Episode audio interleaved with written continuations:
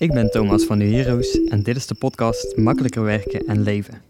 Vandaag gaan we het hebben over stress, namelijk gezonde stress, en het herkennen en verminderen van ongezonde stress.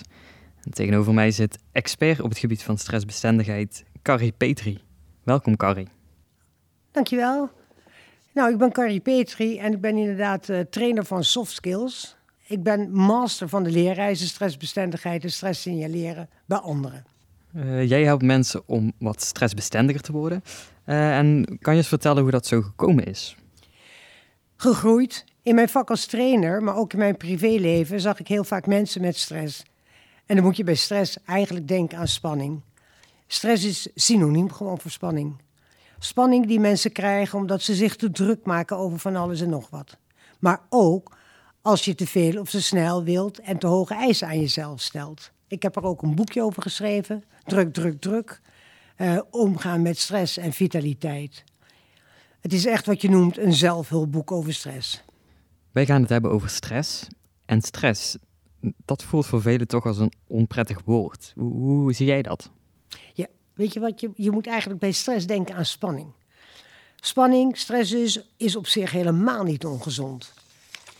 Denk bijvoorbeeld uh, aan je voorbereiding voor een examen of inderdaad een presentatie. Je moet je concentreren en de spanning bouwt op. En die heb je ook nodig. Maar als je je presentatie hebt gedaan, zelfs als je nog bezig bent, dan gaat vaak het stress al omlaag. Naar normaal. Er volgt de rust.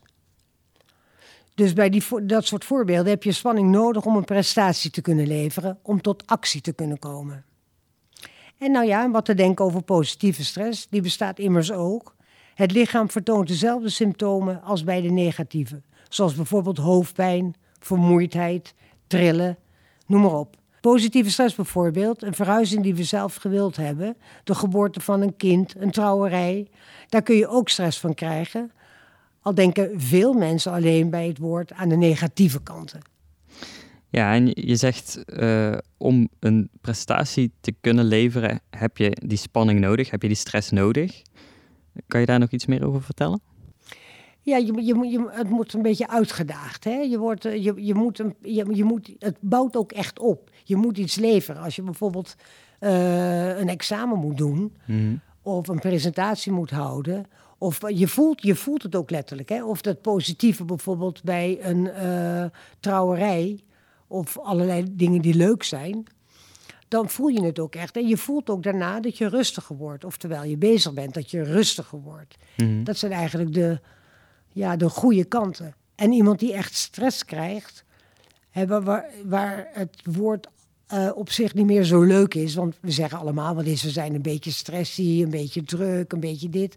Dat is, dat is allemaal niet zo erg. Maar als je echt stress krijgt, of bijvoorbeeld een burn-out of overspannen raakt, dan, krijgt, dan vindt die afbouw helemaal niet plaats. Je blijft gewoon dat opgefokte, opgeklopte gevoel houden. Mm. en nou, dat veroorzaakt allerlei lichamelijke klachten ook op den duur. Niet direct natuurlijk. Ja.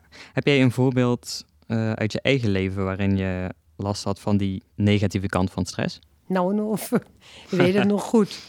Toen ik voor het eerst voor een zaal uh, met mensen moest uh, spreken, was ik heel erg gestrest. Ik was ook een stuk jonger hoor dagen van tevoren maakte ik me al druk over wat ik moest zeggen. En, en was de tekst wel goed en was het lang genoeg? En vooral was het leuk genoeg, want het wil ook iedereen die presenteert ook doen. Hè?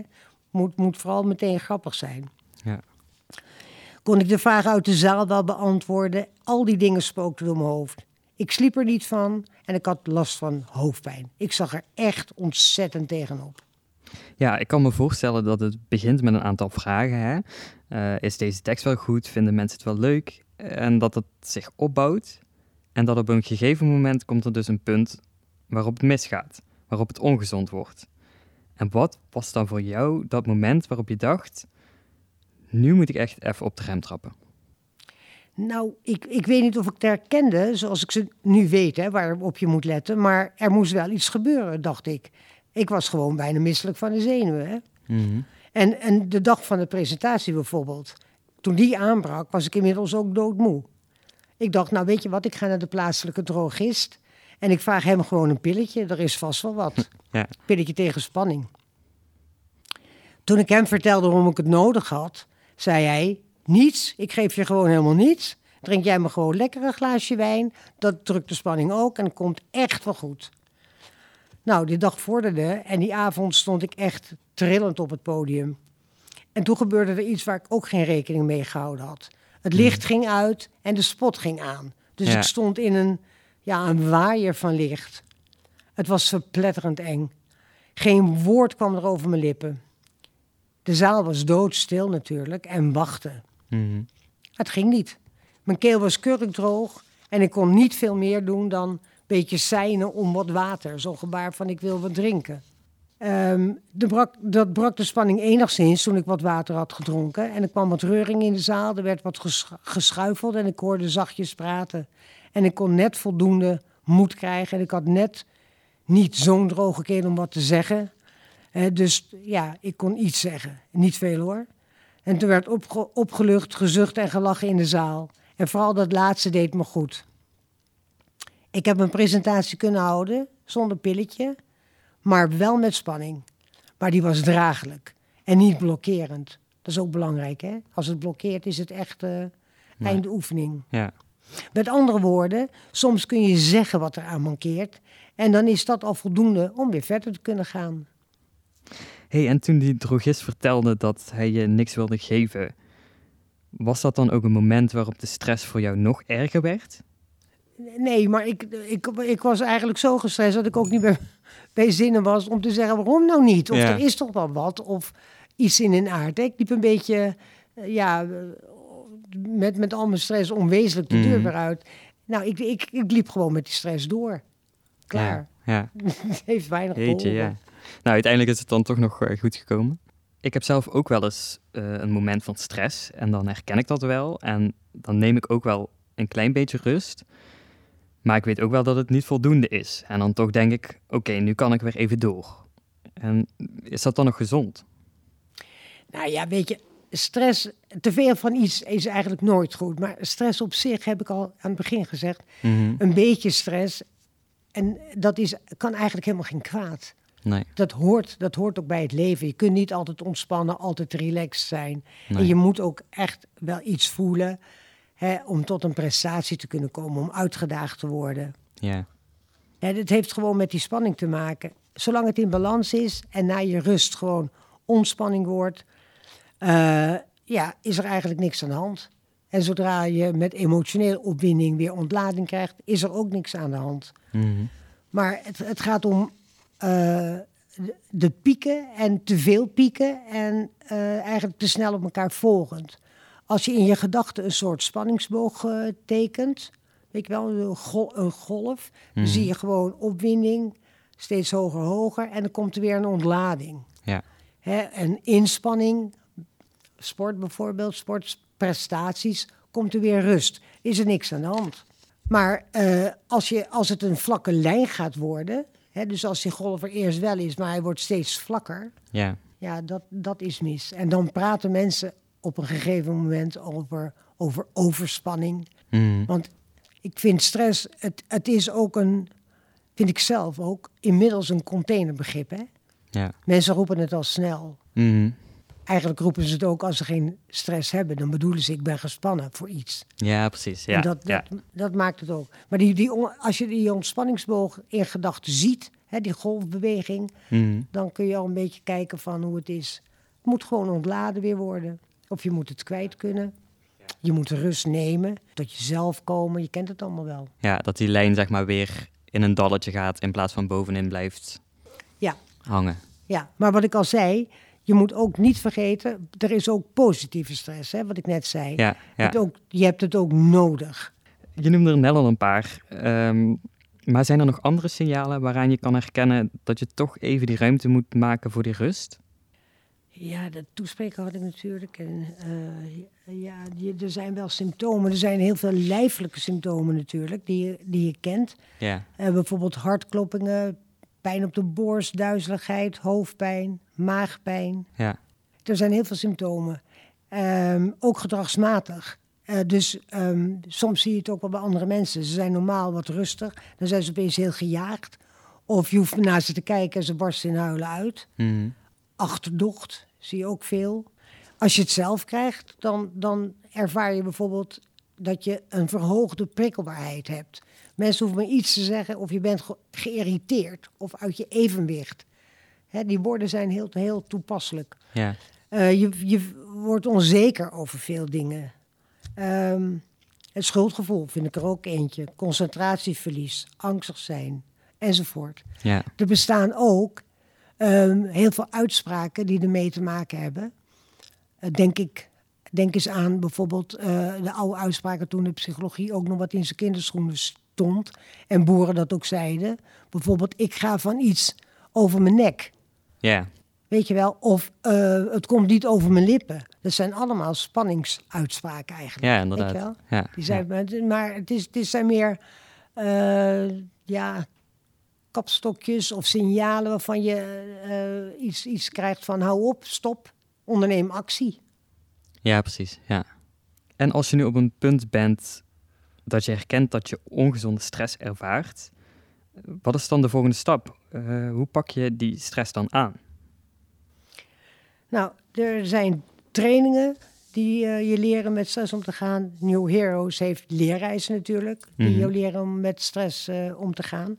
En in zo'n uh, training of leerreis her- uh, leer je eigenlijk afbouwen van die spanning op een heel effectieve manier. Niet alleen maar door te zeggen van uh, uh, je moet eens wat rustig doen of zo, maar echt concrete Nee. oefeningen Ja. die je ook heel klein kan maken, die je ook in je werk of in het zijn kan, ja, handelend kan toepassen, zal ik maar zeggen. Um, in, het, in de trainingen, zowel als in leerreis, zit uh, bijvoorbeeld uh, je manier van denken. Mensen met een uh, hele lage frustratietolerantie, die heel snel uit hun evenwicht zijn. Hè? Komt het oeroude, van de manier van denken, komt het oeroude gezegd van het mens lijdt het meest door het lijden dat hij vreest. Mhm. Hè, dat is echt heel oud en het is ook letterlijk zo. Ja. Je gedachten kun je ook bijsturen. Zo van, hoe denk ik er, hoe kijk ik er tegenop? Als je als maar tegen jezelf zegt, oei, oei, oei, wat is het toch vreselijk, wordt het steeds groter. In plaats ja, van je maakt het zelf. Ja, maak je het Je groot. klopt jezelf letterlijk op. Ja. Is dat ook wat je gedaan had met de presentatie waarover je het had? Dat je het veel groter maakte dan het in werkelijkheid was? Ja, als je terugdenkt, dan kun je zeggen dat er dat soort gedachten wel in mijn hoofd zaten. Want ik, ik dacht van, ik krijg vast vragen die ik niet kan beantwoorden. En wat moet ik dan zeggen? Ja, dus in die situatie heb je het eigenlijk groter gemaakt dan het misschien in werkelijkheid was. Ja, Ja, ik had er ook geen ervaring mee, hè. Want nee, nee. bijvoorbeeld met, met presenteren, als mensen daar erg gestrest eh, voor zijn. Ja, natuurlijk, als je meteen het niveau wil halen van een Toon Hermans, dat gaat Hmm. echt niet. Je Nee, moet je nee. eigen kracht kennen. Hè? Je Ja. moet weten waar je grenzen liggen, je moet weten waar je kracht ligt. En dat kan je ook door anderen geleerd worden hoor, die dat duidelijk maken, zal ik maar zeggen. Ja, Mensen willen altijd ook meteen humor hebben, weet je wel. Dat kan niet. Maar iedereen kan leren, eigenlijk min of meer op dezelfde manier, om een goede presentatie neer te zetten. Met een begin, een staart en een midden. Dat kan je leren. ja, ja. Ik weet wel een hele leuke kreet van vroeger. eh, van Schout en Nelis had dat. ja. En de- misschien zijn jullie te jong daarvoor. Maar er stond op, op die folder, Marlon Brando had het ook niet van huis uit. Oké. Ken je Marlon Brando? Nee, nee. nou, dat is te vergelijken met een hele beroemde acteur van nu. Dat was, die was toen de topper, zal ik maar Ah, zeggen. Dat was een acteur. En dan zei ik altijd tegen mensen die zoveel stress hadden... wat doet zo'n man nou? Mhm. Ja, die doet het gewoon. Die kan voor zo'n zaal en die doet dat. En, en ik ben altijd maar zo gespannen. Toen zei ik, maar die had het ook niet van huis uit. Want wat doet een acteur? Die traint.